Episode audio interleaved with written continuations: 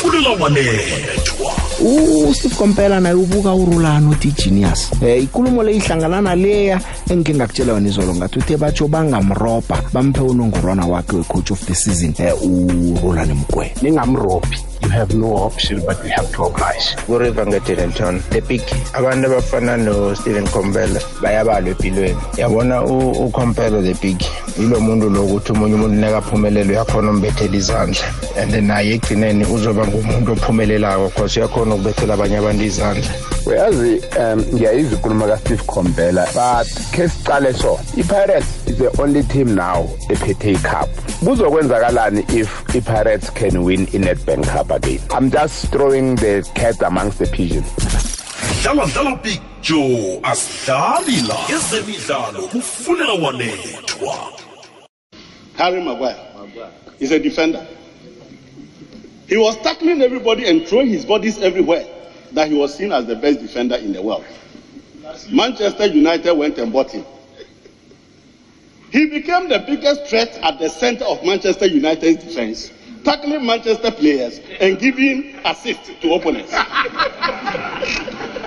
Mr. Speaker, when even the opponents failed to score, Maguire will score for them.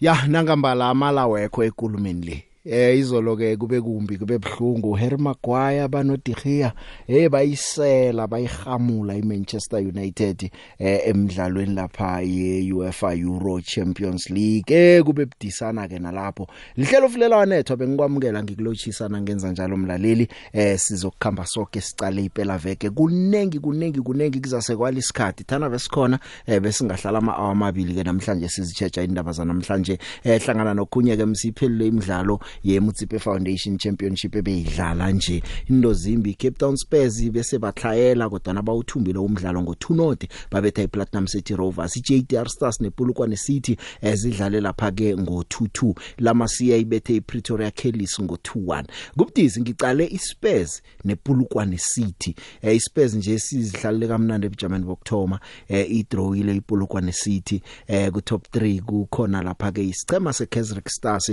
kusasa mehlo wonke azabe aphezukwabo beKaizer gaba ukuthi basebenza njani benzani. Kunengo kukhona nemidlalo ikhona namhlanje ebusuku eh, kuyadlalwa lapha eDurban. Maritzburg United idlala neRichards Bay. Maye umdlalo we6 pointer obhlungu kangaka. Eh iMaritzburg ihleze emsileni. Isicema seRichards Bay eh, sesinemidlalo ebunane siloba umlandelande. Asazi ukuthi box stopper namhlanje namtjana njani naye. Phela veke enkulu ngehlangothini lezemidlalo angisakhulumi amaguduva. Na umthando wezamaguduva namhlanje ebusuku bongani mahlangu uyalwa. Kusasa sikhuluma ngoTank Davis zokugijima iLondon Marathon ikhona eh, iphela vekele angazi ukuthi ngibambe iphi ngichiye iphi kodwa nahlala nami lihlelo fulela wanethwa uzokubhema ukholo. Imzuzu ilithumi nomzuzu owodwa eh, ngemva kwehour lesihlanu eh iSevilla madoda ikhiphile iManchester United ku Europa League eh kuma quarter finals akhe ngebayizwe bayibethe ngo 3 noti aggregate score i5-2 zadlala 2-2 eh emzombeni wokthoma eh baphethe iphaliswane li eh balithumba amahlandla asithandathu ngikhuluma lapha ke ngeSevilla. Eh isichema seManchester United. Harry Maguire awavele kubuyelele godu eh wako Raimlenzen wokthoma ke wesibili nje nangu ke eh ubenzele lapha ke iassist. Bathumba eh nosomapala uDavid De Gea naye eh wenza ubuchapho obukhulu yabetha igondelo iSevilla. Umdlalo ebeyidlala izolo ke kuzakumela iManchester United ke izivuke izithindithe madoda kumbi. Badlala ama semifinals we FA Cup badlala neBrighton eWembley ngosono. Yabona nje ukuthi akunasikhathi sokuphumula akunasikhathi sokulila sokuzikhotha amanceba. Eh umnye umdlalo bengiwucalile mina ke umdlalo weRoma. Eh ya yazi Roma ke kwafika ngiucala lo mdlalo ngabona ngathi badlala bathlayela uChris Smalling ulimele waphuma bafaka uDybala. Naye umbona ukuthi ulimele usabhluza kagijimi ke 100% kodwa na ke walibetha igondelo. nguJose Mourinho ke lo eh, ophethe isichema seRoma. Eh kubethe amagondelo lapha uSteven El Sharawi eh no Lorenzo Pellegrini. eh bawabetha lapha ngeextra time amagondelo eh badlula ke laba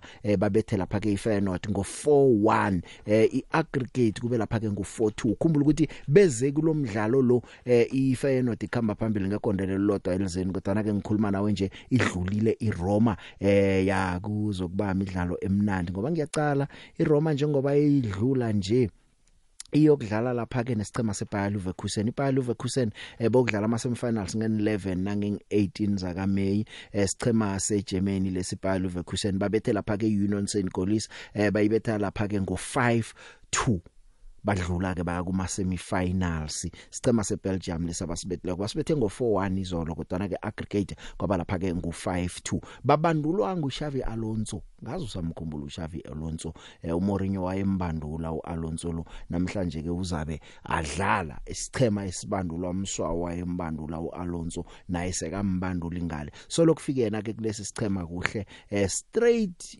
imidlalo a12 bayiwinile across all competition. Abakahlulwa kokwakho eh laba bayo iBayer Leverkusen. Sakubona ukuthi nabahlangana neRoma kuyokwenzekani. Juventus nayo ke eh, siyibonileke idraw lapha ke neSporting go 1-1 ngokwenza njalo ke nayo iyadlula ke idlula ngo 2-1 aggregate iya kuma semifinals iJuventus iyokuhlangana lapha ke neSevilla yokuhlangana neSevilla eh iJuventus. Kuzabe ke kumdlalo omnandi. Ngempela veke leyo mhla ka kokwakho kusipela veke kuzabe ku11 mhla ka11 mlenzo October wesibili nge18 zaka May eh njengoba ke sibonile nje ukuthi khama njalo. Kodwa kunenye into engiyitshejileko engingazi ukuthi wena mlaleli uyitshejile na na ucala amaphaliswano la eh we Europe eh ngikhuluma la eh nge UEFA Champions League ne UEFA Euro le eh ukuthi kwenzekani. Ingcema zeItaly Inter Milan isasekhona ku UEFA Champions League iAC Milan ikhona ku UEFA Champions League iRoma ikhona ku Europa League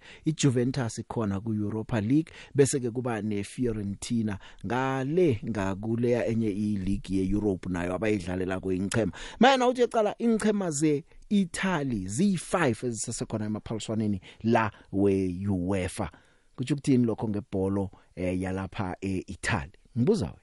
Kuthi ukuthini na ucaleko? Khani singathini ingchema zakhona zicinile iye iyakhulunyiswa ileague yamangisi.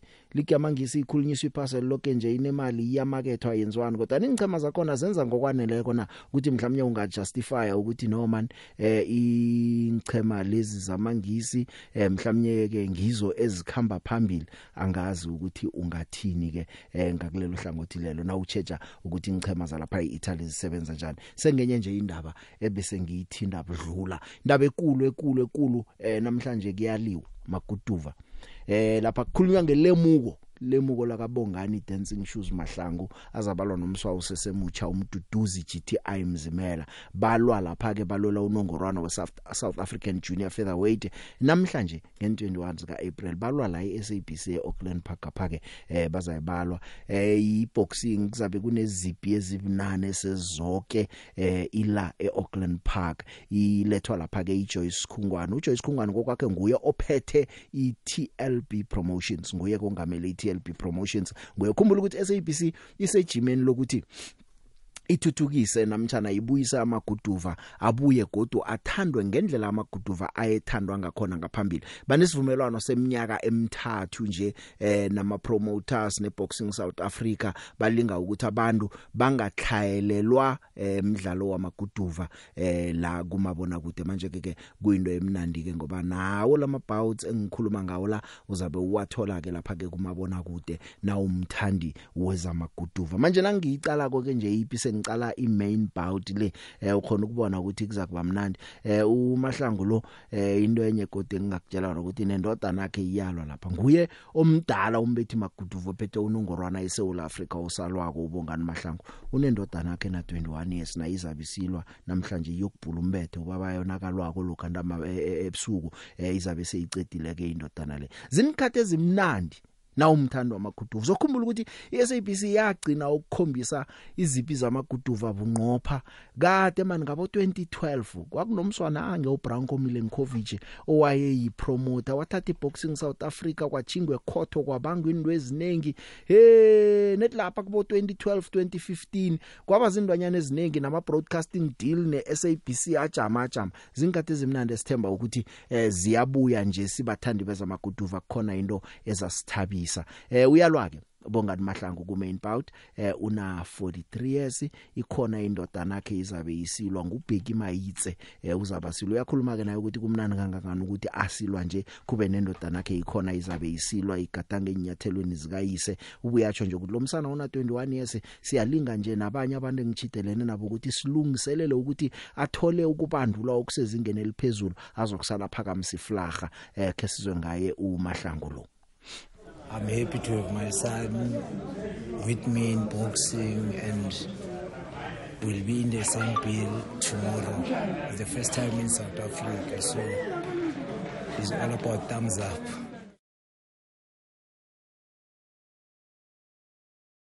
I make sure that I'm making him my sparring partner and he will be my sparring partner, the best one, so that he won't feel these other boxers, that these other new boxers in the ring. So I never feel soft for him. I never go soft for him. So if we have to go to run, he must go to run. If it's supposed to be like that, if it's 20 kilometers, both of us we have to to to to to, to do that, you know. Emnyakeni wamachumi amane wekwekwezi fm sisakulethela zemidlalo zisatshisa ngehlelo lezemidlalo fulela wanethwa i-hour lezemidlalo ukwekwezi fm nobig joe. Isimbi yesihlanu itsho ukuthoma kwe-iri lezemidlalo ukwekwezi fm nobig joe. Kukhanya ba. Akake eh kumbi kuyaliwa namhlanje njengoba ngisitsho nje eh ubongani mahlangu uvikela unongorwana wakhe. Eh ubongani mahlangu wamthumba betha ayabonga sonjica eIslanda nonyaka opheleleko lo. Njeke ke namhlanje eh, uyokucalana nomswa osesemncane abambiza lapha ke ngo GTI bambiza ngo GTI uyabona nje ukuthi usesemncane umduduzi mzimela eh nginosiyolo wakwadabula eh ke sifahla fahla sibonisane indaba lezi zamaguduva sibone ukuthi into zikhamba njani. Siyolo yeche ngiyakwamukela. Ngibingelele picture ngibingelele nabalaleli bekokoza FM Ahake eh siyathokoza siyolo ukuthi uspace isikhathi ucoce nathi. Msinyazana nje namhlanje eh siyokubona ipi lapha ubongani mahlangu nomduduzi mzimela. Eh mina ngambona umahlangu nakabetha usonjica unyaka opheleleko wamdula ingasi kancane. Ngazi ke ukuthi umduduzi mzimela unamathuba angangani ukuthi angajama phambi komahlangu lo? Ngitsho ngize ngacabanga nami ukuthi kumele ngibuyele ngoba umahlangu lokudala khona. Una 43 years. 43 years nina niliseni sesebatsha siyo? Video kuzoba kuzoba into emnandi kakhulu. Unobongani mahlangu one one experience eh kakhulu. Ubongani mahlangu una unama wins aw 24 9 losses uh 12 KOs kuma fights wakhe. Umzimela inovice ke ke picture una 6 fights. No loss 3 KOs eh ngicabanga ukuthi ke picture i experience kamahlangu izoba too much for for umzimela. Eh but ke ku boxing angeke uze wazi uzokhumbula ukuthi ubongani mahlangu eh ushaye ubongani sonjica ubongani sonjica beka i prospect picture um eh wonke umuntu bekangalindelanga ukuthi ubongani mahlangu at, at his age. Angakhona ukushaya ayabonga sonjica lokho kukodwa ke picture kukhombisa ukuthi uyiboxer elinjani equality ekuye iexperience yakhe. Engicabanga ukuthi ke picture eh nanamuhla mangibheka ifight le yes umduduzi mzimela is a good is a good fighter but ngicabanga ukuthi bamrashile kancane. Befanele ukuthi uthe ukuthatha experience and ngicabanga ukuthi ubongani mahlangu uzoyiwina impilo possibly nge late stoppage picture ya sabe sicalile eh ubongani mahlangu. Eh umswake nokhozi khombisileyo experience nasikhona. Siza kubona ke ukuthi ukhamba kanjani kodwa ke kunepi engicabanga ukuthi nawumthandi wamaguduva yipi ekumele uyibone ngekani engahle ibe yifight of the year yaka 2023 ngikhuluma ngepi yaka Jovanta Davis utank ngendlela esivama ukumbiza ngakhona ulwa no Ryan Garcia madoda amabili angakabukhulu kukhululwa emabizelweni wabo. Eh nangikhuluma la ngo Giovanna Davis indoda edoswa phambili lapha ke ngu Floyd Mayweather. Indoda ke eyoyibulala hle imali kukhulunyiswa bo 27 million rand na uyichugulula koimali ngepi ayoyilwa eh, ngosonto ekseni ngesikhathi seSouth Africa uqale nokuthi ne past split nje zama TV rights nani nani Tank Davis uyokuthola 60% uGarcia uyokuthola 40% vele ukhambe emanyathelweni kaFloyd Mayweather naye wayezenzela imali ngaleyo ndlela. Yemali lekhe sibeke icadi sisayibona ekugcineni. Ngaphakathi kwe kwe ring na ucala uGarcia no Tank Davis ubonani? Ijo um isikhathi esimnandi kakhulu lesi ngoba ngoba ifight le eh ifight engavamanga ukwenzeka ala amaboxer amabili a acontrolwa ngama TV networks angafani. Ama fight la asiwatholi sawagcina sawagcina ngaye uFloyd Mayweather. Eh and okuhle kakhulu ke ngaloku ukuthi abafana bobabili bancane uTank Davis is 28 uRian Garcia is 24 and and they are at their prime. The time u, u, u, Floyd Mayweather elwa no Manny Pacquiao Floyd Mayweather wayena 38 years uManny Pacquiao wayena 36 that was towards the end of their careers. And and uh, Big Joe eringini nje ngingamoshanga isikhathi eringini uh, on paper you will say experience ka Tank Davis. Befanele ukuthi nguye ozo ozowina.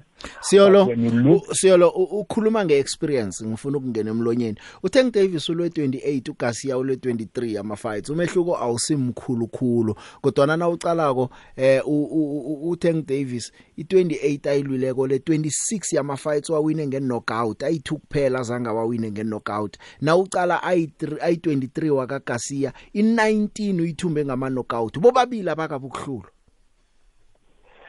uqinisile mosho njalo Joe but into efanele uyibheke ukuthi equality of boxers ezilwe no Tank Davis mm. uh, u Tank Davis uh i three time uh world champion kuma division angafani. And and mawubheka uGarcia uGarcia uh, coming up ebelwa noma kathathu or kayi4 ngonyaka. uTank Davis ngoba i-pay per view fighter just like uFloyd Mayweather uthola ukuthi ulwa kabili ulwa kabili ngonyaka o kwesinye isikhathi kanye ngonyaka. Yila i-difference ifikile khona. Kodwa ma uza ku talent like raw talent uTank Davis is a complete fighter. He's a complete fighter. I movement his feet Uh ispeed sezandla and everything unayo. And same ku Ryan Garcia the the, eyona nto engamandla ku Ryan Garcia is speed hand speed yakhe ingenye indlela. I think he's the fastest boxer ekhona manje active. And the other thing i power mm. uh, uh, one punch knockout power unayo uRyan Garcia. So so even noma sothi uTank uzowina ubuye e, e, at the back of your mind kunento ethi if uRyan uRyan Garcia can land that punch and then it there will be in in knockout ezoba khona. The thing is ke ngoTank Davis uh, we've never seen uTank Davis shaken. Yeah. Akakaze so so so the thing is is it is it i-chin yakhe strong or is it i-defense yakhe strong most people ke bathi i-defense yakhe it's leaky but I, I believe i-chin i-chin siyolo. Nangimbukela ku tank bayamthola ngamaguduva anamandla hle kodwana akashake uza phambili umbethe nge ukhiphe your best kodwana ngawi. Ngicabanga ukuthi une-chin mina. Ku possible picture but ubuye uthi futhi there's no one oka walwa no Tank Davis onale power uRyan Garcia anayo and mm. nespeed uRyan Garcia anayo but if any question esinayo ukuthi uTank normally noma alwa nomuphi umuntu being tall rich and everything he always adjust See. now the question is will uTank be able to adjust against such a speed will uTank be able to adjust kwipower engaka kaRian Garcia. Konke lokho sokuthola ngesonto ekuseni bengifuna ukutsho njalo ukuthi impendulo zingosondo ekseni eh kuyokuthonywa ngabo 2 kodwa na IP main bout le ungasuyilinde ngabo 5 6 net khona lapho siyolo eh kokugcina nje ngisele nga 30 seconds ne? Abantu abanengi nabangakayazi iboxing nabayizwa batsho bayayazi IP yaka Muhammad Ali eh bayakhumbula ukuthi kwakwaba nabantu abanjengalabo ngoba ikhulunyiswa kangangana bo Muhammad Ali nabo Joe Fraser nabo Joe Foreman nabo George Foreman njalo njalo. Khana le EP sizayibona ingena eh ezingeni lokuthi nayo kube yipi generation yanamhlanje ezakukhuluma ngayo esikhatini esiningi esizakho na kanjani Big Joe? Yimpi le esondele kakhulu kwimpi ka ka Floyd Mayweather nje bangisho ngokweinamba nangemali. Futhondele kakhulu ku fight ka Floyd Mayweather no no, no Manny Pacquiao. If ubheka u, u, u, u uRyan Garcia unama una 9.5 million followers ku ku ku ku kumakhazi siyolo? ezonqubelelwana sikhathi mfo ngithokozile ezwa sisakhuluma ngelinye ilanga. Ngibonge Pijo ngibonga nabalaleli beProphets FM shap shap. Emnyakeni wamachumi amane wekwekwezi FM sisakulethela zemidlalo zisatshisa ngehlelo lezemidlalo fulela wanethwa aha ke ngabo losihlanu nje yesibe nenaba elisikhathi kodwa na ke ngiyakutshela ke ngithi namhlanje eh ku SABC 3 ungabukela IP yamaguduva eh uyalwa ke lapha ke ubongani mahlangu. Ezinye izipi ezizabe zikhona lapho eh ukhona uDo Joan van Heerden ulwa no Nelson Mbele eh ku junior middleweight 8 rounds uDarren Rousseau ulwa lapha ke no Abin Bethu eh kuthi ubukiwe nonina alwe lapha ke no Chietsa eh Hamakoma ya eh, yipikele ye 8 round ngiyabentazana ku featherweight ubheki mayitse oyindodana kaMahlangu lo eh, ulwa lapha ke no Untiritsi Silika eh, bese ke ku middleweight ku 4 rounds uJonas Sanga we DRC ulwa lapha ke no Douglas Mbuka we DRC naye. Ku featherweights 4 round eh, uKhotso Ramobodi ulwa no Jonathan eh, Latang walapha eh, DRC zizibhesi sabe sizicaleke namhla kanokunya kokwenzekako eh, ngempela veke iLondon Marathon ikhona sizabe sicalile lapho ke ukuthi kukhamba njani. Oyikutani vikela unongorwana nguAmos eKiprito ya mswa kwalapha eKenya kodwa na uthi mani kuphathisa amahloni ukuthi ekhanye eKenya kuvele idoping scandal. Eh iLondon Marathon ingosondo. Nyako pheleleko abagijima abayi25 beKenya basuspendwa bajanyiswa. Ya wabona nje ukuthi kuzindaba ezingasimnandi. Kodwa na ke uKipruto eh, uzabagijima kavikela unongorwana wakhe amthumba ngo2 hours 4 minutes 39 seconds ngoOctober eh, 2022 sakubona ke ukuthi uzomvikela namtjana njani. Nonomo nomofara uzaba khona gijima. Eh, umofara ngathi ke uyalisa ke kezokugijima kuzaba eh, liphaliswano lakhe lokugcina leli eh, algijimako eh, ngezokugijima lezo. Zebholo zekhaya eh, kumbi badosana ngenhluthu ngikhuluma ngePSL neSafa. Eh, OECO yeSafa uTebogo Mutlante eh, uthi indaba yabo neordinary congress yabo ziyaraga bayozithatha inqundo ikhona iPSL namtjana yiko ababamba umshini bekakhuluma nembiki indaba namhlanje eh, ngemva kwamadina. Eh, iPSL izolithe yona yilapho ayilapho imenyiwe. Kunenqindo ekumele zithathwe eziphathelene nebhola eragwako yeSouth Africa ekuzakumele zithinde kwayona iPSL kodwa nabathe bona abayilapho. Statement sePSL eh bathe bafuna umhlangano nongcongcoshe wezemidlalo ubukhwari namasiko uzizi kodwa. Bafuna umhlangano nomongameli weCAF uPatrice Mutsipe eh bese ke nabaceda ke baza kubona ukuthi ukuyaphambili bayapi asizukhalima mutlante oh ayisikhalima kutebogo mutlante lo ya tebogo mhlanto iCEO eh yayo iSafa. Ke sizwena ke ukuthi uthini kungabi khona kwePSL emhlanganweni nabo phela veke le? It's not a blow. Uh, members are here. FIFA is here. CAF is here.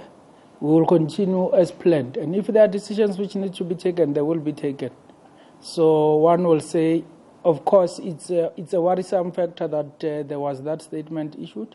But of course, uh, one will not say it is a shock or it affects the program of the weekend. When you get a letter without uh, saying to you, this is my reason, being from a legal practitioner, you, you, you, need to get the reasons first before you respond.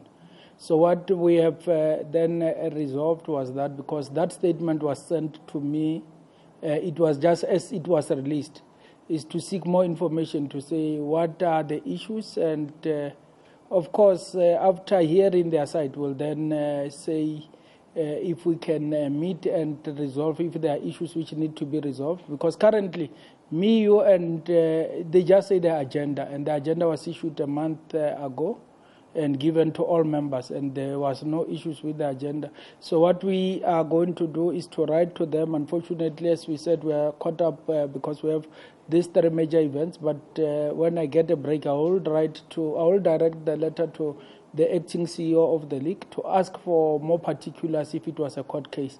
But because it's not a court case, it's uh, for the reasons. What is a, what, what are the issues? Because now it's difficult to comment uh, because you don't know what are the issues with the agenda, which was there for a month, and uh, the issue just came on the 11th hour. So I will write uh, seeking uh, a response from them as a member of SAFA. Kade kuhlale kwenzeka bahlale badosana ke inhlangano embilezi ke eh, asazi ke kuleli hlandla ukuthi kuyokuphelela phi. PSL ke yona nayikhipha istatement sikuza ngemva kwenkulumo beziningi bezikhulunywa yisafa phakathi kweveke hlangana nezinye. Technical director Walter Steenberg ukhulume ukuthi batsho bayokuphasisa umthetho wama licensing ya licensing le bafuna ukuthi ibe khona eh into abayoyicala kakhulu ma qualifications wama coach ahlala emabhankeni. Bafuna ukuphasisa umthetho ukuthi umuntu ahlala ebhankeni nakane level bani yokucoacha asazi ukuthi khani ngaka ngokhunye kwezinto ezibasilingileka abaphathi bebhola bePSL na umhlante ke uyatsho ke ukuthi bona ibhola ngiba ama custodians ngiba abaphethe ibhola eragwa ke eSouth Africa eh bazokwenza ukuthi vele eh, iclub licensing nemithetho yakhona yonke iyalandelwa usho njalo ke iCEO akafuna ukufanisela nomhlanje ukufunisela ukuthi kuba yini PSL ungalile umhlangano lo. Asazi ke siyazi ke ukuthi ichepswano hlangana nenhlangano emibili ezivele lihlala lilimbi eh abazwani ikhefi yakwazi lokho FIFA iyakwazi lokho eh kodwa nakasazi ukuthi kuyokukhamba kukhambe kuphelelepi ke sivale ngayo umnhlante lo I don't want to assume. It will be difficult for me to make that assumption. The letter is not spoken about any comments or anyone saying this. It was very clear after having gone through the agenda. So it means the issues are around the agenda. I, I, I, I, I think the issues are around the agenda, and uh, to make assumptions of any external factors, it will be unfortunate and also jumping the gun. Uh, but we will write to the league and we will get uh, the response of saying, look, these are the issues. And if uh, I, I do believe that there is always a way of finding each other. The, the, relationship has been solid, and uh, like I said, I, I, I have direct contact operation wise. I need anything from the league, I pick up the phone. When they need anything, they pick up the phone. We, we do talk operation wise, uh, no problem. Uh, Shiho, were you caught by surprise with that press release, or do you believe there's animosity between you and the league? Well, I, I was surprised. Like I say, I don't want to dwell in this animosity because it has it is spoken about. It's like a ghost because I've never seen it. I just hear it. When I relate with the league on issues of mutual interest, we do talk. And uh, NEC meetings previously they attended, uh, there were no issues raised. So one yes, of course, was uh, taken uh, by surprise. But, but of course, we said let's continue with this week because it's important for football. We need to come with a strategic plan, and we'll engage on issues uh, of mutual interest at the right platforms like it is done. So I will be writing a letter asking for reasons so that we can check if there are basis for us to meet. Sesekuningi sizakuzwa ngayo indaba le. Ibhola eragwako yala eSouth Africa kanike ungakhohlwa ukuthi ngaphasi kweCAF Champions League kuyadlalwa namhlanje eh, ngo11 ebusuku iJS Kabile idlala neEsperance. Bese ke kuza kuthi kusasa eh, iSimba ngo3 idlale neWydad Athletic Club. Bese ke iCR Belouizdad ngo9 ebusuku idlale neMamelodi Sundowns. iAl Ahly ngo9 ebusuku idlale neRaja Casablanca. Midlalo esabe siyicaleke leyo ngaphasi kwayo iCAF Champions League iphela vekele kanti ke naku CAF Confederations Cup imidlalo ikhona lapho ke uyazi ukuthi sijanyelwe sichema esemarumo Gallants sisabe sidlala ngosondo ke eh, isichema seMarumo Gallants imidlalo ingosondo ngo3 eh ngosondo iRiver United idlala lapha ke neYoung Africans. Eh iMonaster iyokudlala neASEC Mimosa ngo6 ngosondo. iPyramids yeEgypt izabe idlala nesichema seMarumo Gallants ngo6 ntambama ngosondo. USM Alger iyobidlala lapha ke neFAR Rabat zidlala lapha ke ngo9 ebusuku imidlalo yeCAF Confederations Cup eyokudlala ngosondo yonke ngisayentolo ngiyabuya. Eh Big Joe unjani ngapho ngasekwekozindo Aravona eh ukhuluma no nompilelo ngapha ngase Johannesburg Eh Big Joe eshindaba kaMagwayi le hayikhona Hey shasazi ngoba ngwe England vele kumele adlale o kanjani. Nangikhona izolo u Martinelli novarane bebelimele. Ngabe bathethe uLuke Shaw musibamfaka bamfaka wazadlala eze central defense bangafaka umagwayi yes maybe ngabe sikhuluma esinye isikolani. But nakhona ngibabone phakathi lapho bebengadlali kahle man. uCasemiro ingani usheshe ngokuya phambili kakhulu. Bese dlala engani sedlala behind ama strikers but kumele adlale a-anchor. So usheshile naye uku-attack-a uCasemiro laphana. Ngabona ngani ngabe bebengadlali kahle? Kathi bengela good combination no yena no-Eriksen. Then emathimini ase-Italy ngike ngakhuluma before ngihlele ngikhuluma ngawo nje eh nabantu nje sizixoxela ngawo bathi hayi wena awulazi ibhora basho kimi angilazi ibhora amathimi e-Italy adlalelwa ngamakhehla. Mara Big Joe hayi this season amathimi e-Italy ayibambile ayibambile nje iNapoli nje nayo isheshe yawa kodwa hayi bayibambe kahle. Mani thobela thobela big joe sa mathomo ke rata o letamiša le kae na?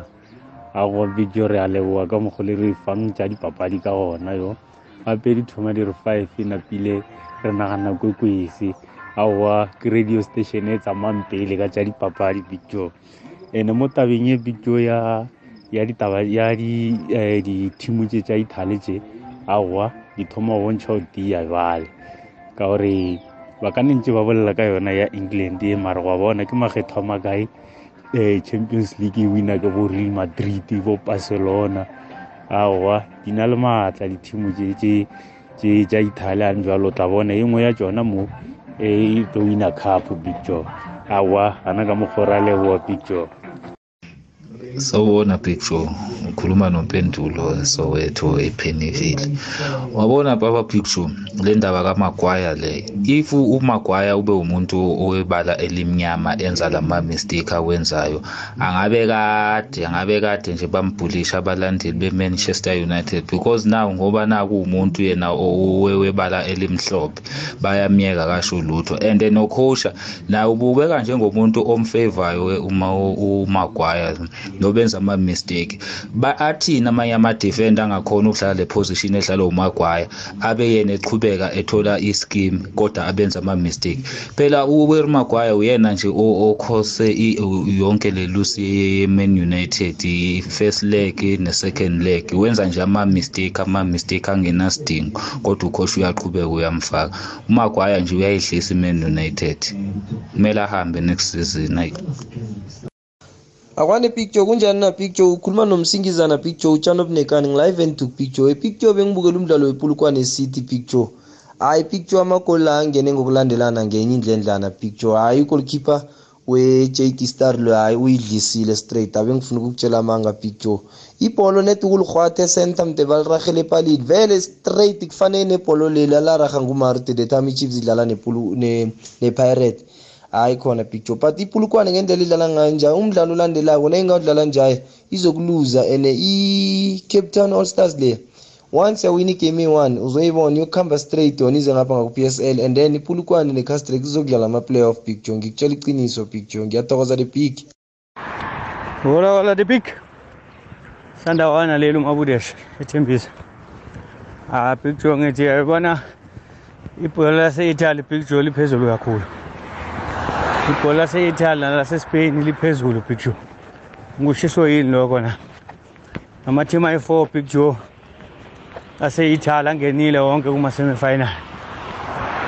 Eh ayi-two i mean. I-inter i-ac milan. Okusho khona ukuthi hhayi aku last four ye Champions League. So eh, sesiye Spain eSpain akhona strong ama team akhona ngoba yawadla wase England kakhulu. That's why ngithi hayi lamali kwethu aya improve nje kakhulu thank you the big kwande picture. Nangumaseko ngapha. Ngejoburg big nino arivona lotshani eh picture. Mina i don't know ukuthi PSL why iso. Cause ngicabanga ukuthi isafa ngoba vele ngiyephethe ibholo ekhaya. Barehe ngicabanga ukuthi bafuna ukulwisana nento eyenziwa nguchipa mpengezi le. Phela into eyenziwa nguchipa mpengezi le ayikho right big joe. Next next next next. And bahlaze sibholo lekhaya. Iklabha yinye ixosha abandula abahlanu ngesizini eyodwa. And uthi uyacala sekuyabekwa nje umuntu uvele ongananex so ngalokho ngicabanga ukuthi bafuna ukuthi ababandula aba bakhambe baye esikolweni basi-equipe then kube babanduli abasechophelweni eliphezulu abaza kuhlala engichemeni zekhaya babandule ingchema zekhaya. Thank you joe. Eh akwanda kwanda big joe. Entambama eh ukhuluma nomuso ngapha nge-elmastrip sing ubezile maseko. Eh isokana elinejamo ngendeni. Yi-big joe mina bese ngiba ukubuza nje kuphela eziningi ngizitshiya ngizibona. Sengiba kubuza ukuthi nje ngapha kwandebele mhlambe udlule emuva le kube lumpopoleni akukho nje mhlambe la ngakhe mhlambe kudlalwe khona mhlambe iboxing zamaguduva lezi mhlambe abantu abangathuthukisa zemidlalo njengoba kumdlalo lokuthi abantu mhlambe abaningi abawazi or bawuthathela phasi. Njengoba abantu abaningi abawazi umdlalo le mara bakhona mhlambe abanye ukuthi bawuthanda. Ya bakhona abantu abawuthanda kamaguduva kuyo yonke inarhala ngiyacabanga ukuthi kuzakumele uthintane neboxing South Africa mhlawumnye ubuze ukuthi eh ngakubola impopo apho endaweni ozibala kwezi kungenziwani? Ngoba kumele kube nekareko kube nendawo lapha abantu bazazibandulela khona. Thina sasizibandulele enkolweni bese niyokuba uyiclass esikolweni. Ngene batsho nokutrain iboxing niphethe amadlava kuphela ne punching bag ayikho. Nibethane eh nisuke lapho nichinge eholweni. Ngomunye unyaka nabanechudu nithola umuntu one punching bag. Eh njalo njalo. Hey service buya kudeyo yaso ngiyacabanga ukuthi indaba iboxing South Africa mhlawumnye nema office nje wezemidlalo kwamasipala ukuye kubuza ephikweni lezemidlalo ukuthi amaguduva eh ningabereka kanjani eh ngicabanga ukuthi kukhona okungenzeka lapha. Ngirage ke emlaleli. Yabona indaba yaka Harry Maguire ibhlungu kukhulu veke phela komnye wathi wathi naye umuntu onzima bese ukuthi unabezimu uHarry Maguire. Angazi libhadi namtjana yini. Hey veke phela kukorile. Kile veke wenze iassist eh asiza ingchema abadlala nazo. Yesafa nePSL na umuntu usuhleli lapha uyicalile ufuna uyibeka kuhle ungasutsha ukuthi eh, kunomsila korura inja. Uyabona inja ibudisi msukudlula umsila kodwa na kuleli hlandla ngathi umsila na uchinga le inja iyatherezela ilandele lapha kuyakhona umsila. Ngikhuluma ngani na? Isafa ngiyo ephetheko ima custodians ngiba bangameli ibhola ragwako iPSL ingaphasi kwesafa kodwa iPSL inamandla ukudlula isafa na uthi ucalile. Siyaraga. Lihlelo fulela wanethwa. Maritzburg United kumele ilwele ukubaleka izembeke iyadlala namhlanje eh, ngo half past 7 eh, idlala umdlalo obudisi khulu. Namhlanje eh, ngikhuluma ngeMaritzburg United lapha idlala khona neRichards Bay. neRichards Bay izinto ezingayikhambeli kuhle eh, nakancane. Bethwe 8 yemidlalo ngokulandelana seyina 10 games ingawini litho across all competitions. Bese ke ngomgcibelo siyokubona iOrlando Pirates yamukela iCape Town City Orlando Stadium. Orlando Pirates yathumba yona ibetha idondolo ngama penalty kodwa na umuntu osojame lapha uzokusho ukuthi Orlando Pirates angiyathuma ngendlela bekulinde lokuthi mhlawumnye ingathumba ngakhona. Kodwa ke isebujameni obuhlelo yokuthi ingalwela ubujamo besibili Orlando Pirates njengoba idlala nje. Bese komunye umdlalo khona ngomgcibelo iTS Galaxy neRoyal AM lapha eMbombela Stadium iStellenbosch yamukela iSwallows eDenny Craven Stadium. Eh iSwallows nayo kayikabi ukusuka lapha emva ekubalekeleni izembe. Kuzakumele isebenze ngamandla nangeyifuna ukubetha iStelis iStelis ngicabanga ukuthi bani ukuzithemba ukukhulu baceda ukubetha iSundowns mhlapa nje kuNedbank Cup. Ngosonto siyokubona isikhukhuni neKaizer Chiefs ingcheme embili ezidlulele eh, kuma semifinals weNedbank Cup. Izokubamba nalapha ePeter Mokaba Stadium bese ke iphela vekethu siyiceda ngeSuperSport United namaZulu eh eTUT Stadium. Amatsatsanza eh, alwela nawo ubujamo besibili. Mdlalo ke seyiyoke namhlanje half past 7 Maritzburg United Richards Bay kusasa ngo3 iOrlando Pirates neCape Town City. Omnye umdlalo ngo3 iTS Galaxy neRoyal AM ngo half past 5 ntambama iStellenbosch sineSwallows. Ngosonto ngo3 sikhukhuni banesicema seKaizer Chiefs. Ngo half past 5 ngosonto kuyokudlala lapha ke isicema se SuperSport United nesichema samaZulu. Kumutsipe Foundation khona kubudisi ke imidlalo yanamhlanje sengikutshelile ukuthi ikhamba njani. Eh, kusasa iCasric yamukela iUniversity of Pretoria iSolomon Mahlangu Stadium eh, kuthiwa izani ngobuningi batsho kungenwa simahla ke lapho. Asazi ke iCasric yayibetha iUniversity of Pretoria ngo21 ngoOctober unyaka ophelele emlenzeni wokuthoma. Bayibethele khabo eh, nje ke seyichinga eSolomon Mahlangu. Asazi khona izawubasa uvuthe na. Eh, yakusasa le All Stars neBaroka. Hungry Lions yona ke ine Black Leopards ngosonto uthongathi bane Venda Football Academy iTTM babambana lapha ke nesicema eh, semagesi. Ngicala nelogo yemutsipe Foundation. Eh iCape Town Spurs nePolokwane City sezidlale 27 games ne? Cape Town Spurs ithumbile namhlanje ihlezi ku 53 points. iPolokwane City idrawile ihlezi ku 51 eh iKaizersburg ku number 3 izabe idlala kusasa isesena 26 leze ngizibaleke embili zina 27 games. Nange ingathumba ke kusho ukuthi yokuba na 53 isichema lesi seKaizer Stars kusho ukuthi sisakulingana lapha ke nesichema seCape Town City kuzasekuhluke lapha ke kubo goal difference. Ngesikhathi enginaso esisengilokho kuphela engingakutshela khona lapho okuningi sisakubona emalangeni. Sicale neArsenal Arsenal nangabe ifuna ukufaka ipressure eh, phezulu kwesichema seManchester City eh, kuza kubabudisa kose ibethe lapha ke eSouthampton eh, iphela vekele eh, Arsenal yakhe yadosa phambili ngabo 11 points madoda nje izinto seziyanyukela. Ngicale lapha neLeicester City nayo nayingakatsheje izokugajwa lizembe. Sichema lesi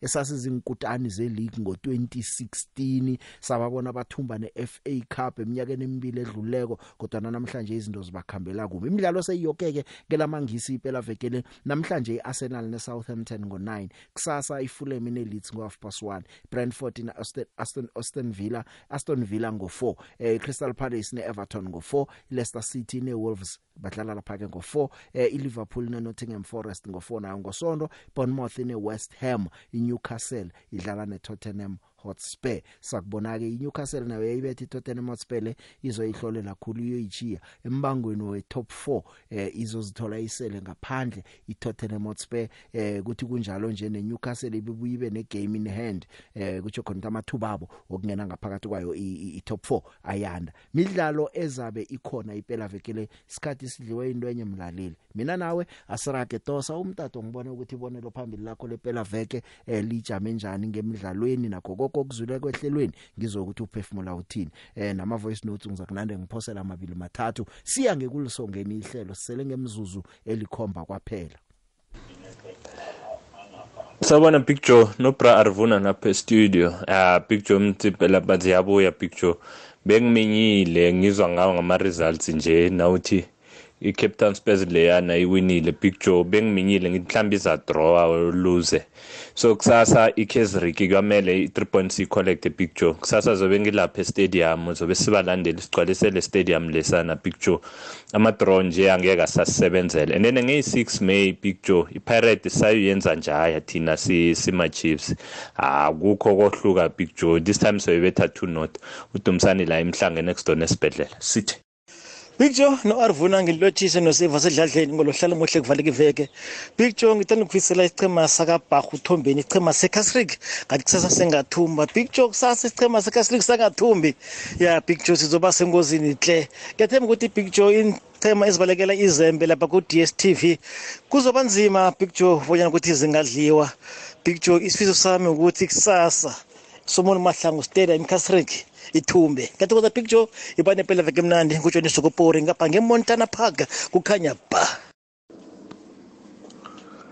Ye babusima nomvezi wakho angishabule engathi ngihakwe intombi yehuwa eyi-CEO wefemini emsebenzini ngendlela okwenzeka ngayo ku-PSL nesafa. Ayibambe ngakho-ke ngifuna kube njalo impela. Isafa iphethe ayazi lutho eh iPSL iphethwe abantu abaziyo ngebhola. Ah ngathi kwathiwa kuba lo mbango ungami khona uzophumelela kube- ezweni lonke libonwa abantu neFIFA leshe ikibona ukuthi siphila ngaphansi kokuphathwa kwebhola okunjani lokukwale ndoda e- e- e- e- e- e- ehlalisa esikhundleni la ethu kodwa ingazilutho ngebhola eh, isetshenzelwa amanye amadoda. Kusebenza amanye amadoda kubongwa yona kusebenza amanye amadoda kubongwa yona ngoba i-PSL emisa ibhola eSouth Africa ayisafa isafa ayiphethwe abantu abangazilutho eh i-PSL esimngayo ukuthi kube kuthiwa khona ibhola eSouth Africa. Ayibambe ngakho angishabule yo Ngiyabonga Joe. ya no uthabile wabumcula kazi kujabule kunjani ujabule ngathi uhago elikhuwa bathi intombi ekhuwa i-CEO efemini la ikhagileko ujabula ngendlela umchuno ajabule ngakhona siyathokoza baba umchuno asizwe umlaleli emtatweni usemoyeni yeche Big Joe. akwande Lethe Big Joe entambama. mkozolo ngimlo Ngiyakubona ngithi nguwe. mm. Eh Big Joe kusasa ngiyathuthukela ngisakwamhlanga. Mm. So ngisopha iCavalry amandla. Ngifisa ukuthi ithumbe iCavalry le. Mayingathumba Big Joe iyenzani yokuhlala ejoin bokuthoma or kuzokuhluka ngamakhona. goal difference yokuba ngemva kwe-cape town space Wasobetha i-goal different. yeah Ya ekukhulu ukuthi kusasa la iqinise ithumbe Big Joe zobe sikhona kwamhlanga. Mkozo- Sasa la ngathi bangandrebele bangaphuma sonke sokusekela isicema sethu seCavalry. thuthukelani mgozolo kungenwa simahla yezwa ngithokozile usemoyeni yeche akwanda picture. Aha. Kunjani picture? Ngikhona mandoza uthini namhlanje wena? Hayi picture ngithi kusasa picture hawa. Sisondela ngakhona ngesolomon sele stadium to picture. Siyathanda ukuthi ubhaku kusasa picture vele yokuwina nge-three not picture. Kukhona ukuthi nge-goal different picture khona usipha amandla ngoba ngiyabona ukuthi the most lingana ngama ngama- ngama-point picture izosirara ukuya phambili picture. Thokoze kumanroza yenzani njalo mandoza? Thuthukelani usemoyeni yeche akwande? Usemoyeni? Ngathi la eh khe ngithi ngapha. Kunjani? Hey ungenile. Ngikhona mina unjani wena? Hayi kamnandi mani ndoda madoda la evaterfala picture. Uthini evaterfala ndoda mandoda ya mani nami ngithi khe ngilekelele ikhasereke kutsho ukuthi la kwandebele kahle kahle ke sibe nenhlapho ezibonakale kwangathi ziyahanda yabona doyeng yenza njalo chinga khona kusasa wena. sasa vele ngizokuya khona ra vele kwakumele siyikhuthaze ikhasereke leya. Na kanjani ya. Danko Big Joe lotsha Big Joe ngilotshise nomvezi usave wasedladleni ngilotshise no Arvuna Eh Big Joe, Big Joe, Big Joe kunjani kapho? Ukhuluma no December. Big Joe uyabona indaba yeArsenal neManchester City. Kubhlungu khulu phezulu kweArsenal Big Joe. Yazi Big Joe wagijimisa umuntu omsabawu. Angeke waqina emadolweni Big Joe. Uzogijima amadolo la angenwe mamanzi. Yebo ebele uzoba nalo mara wambona chidela khulu kuwe. Uzo- uzokudela Big Joe uthi lo muntu lofikile. Big Joe ime iArsenal kubhlungu kiyo. Ngoba iManchester City isayokucalana nayo. ngathana kade bacedile nayo bengizokuthi mina i-arsenal kusesenethutshanyana lokuthi ningayiwini ingayithumba iligi nje amathuba mancane khulu big joe Harry Maguire is a defender. He was tackling everybody and throwing his bodies everywhere that he was seen as the best defender in the world. Manchester United went and bought him. He became the biggest threat at the center of Manchester United's defense, tackling Manchester players and giving assists to opponents. Mr. Speaker, when even the opponents failed to score, Maguire will score for them. Ngaleyo ndlela ke siyakuchiya sithi ube nepela veke emnandi mlaleli bekumnandi ukuhlala nawe iveke yonke sino Ari sibuya nawe Express Lane sithoma Mm. ngehour lesithathu eh, siyivala ngehour lesithandathu. Ya nangomvulo kunjalo-ke kodwa namahlelo amnandi akhona ukwekwezi FM azabenzela impela veke emnandi. Ngomvulo isukile. Sibusiso yeche ngapho? Kunjani jo? Ngikhona mina wena. No ari. Siyavuma. Siyathokoza. Benginombuzo vele jo ya. Ngingazi ukuthi uzakhona ukungiphendula na? Nangikhona ngizowuphendula nangingakhoni kongizokutsho sibu. Iye into engiyitshoko ngibona i- i- amalanga aphumile for i i-netbank makota final ofana ama-semifinal eh kileli hlandla sikuma semifinal ya kodwana-ke into engirarako lapha ama-prices amatikiti akafani. Ya. Ngibona i-Kaizer Chiefs ne-Orlando Pirates bathi iticket lakhona 100 rand no. i-Stelis ne ne- nesikhukhune 60 rand. Kanti kuba yini? Ngoba liphaliswano linye. Ngoba i-FNB kuthatha ama security amaningi kuthatha amapholisa amaningi logistic ayifani mfo. FNB stadium esikhulu kuyobe kunabantu kube namapholisa akuf- akufani neloftus ndodo yazi ungiphendule kamnandi kangangani jo? Ngithilo kathi nangikhona ngizakuphendula hey wahleka kamnandi unzodo hey ngiyathokoza jo? Kambani FNB mfo. Umdlalo mkhulu yonke into ikulu kuprepare ngendlela ekulu engafani neminye imidlalo. Ene musi FNB ekhaya apha ngizwe istadium esikhulu ne? Uqinisile. Ene likhaya leKaizer Chiefs lela. ne-Orlando Pirates. Eh eh kuhle kuhle likhaya leKaizer Chiefs nje i-Kaizer Chiefs i-home team ya ngiyo vele edlala khona. Orlando Pirates welibambe ngapha nge-Orlando Stadium angitsho okay Ya. ya so lanke idlula iloftas anginakinga sinda nafunda. Mara sona si- siphethwe ilo kanje i- i- i- i-FNB le iphethwe i-stadium management. Eh uBetty Grobler nguyo ilawulako kodwa ilikhale Kaizer Chiefs. Okay hawa jo ungiphendulile sinda nozwele salufunda sinda nokuhle kodwa lapha eh ku- ku CAF indaba ziningi esiqongolweni nge-hour lesithandathu.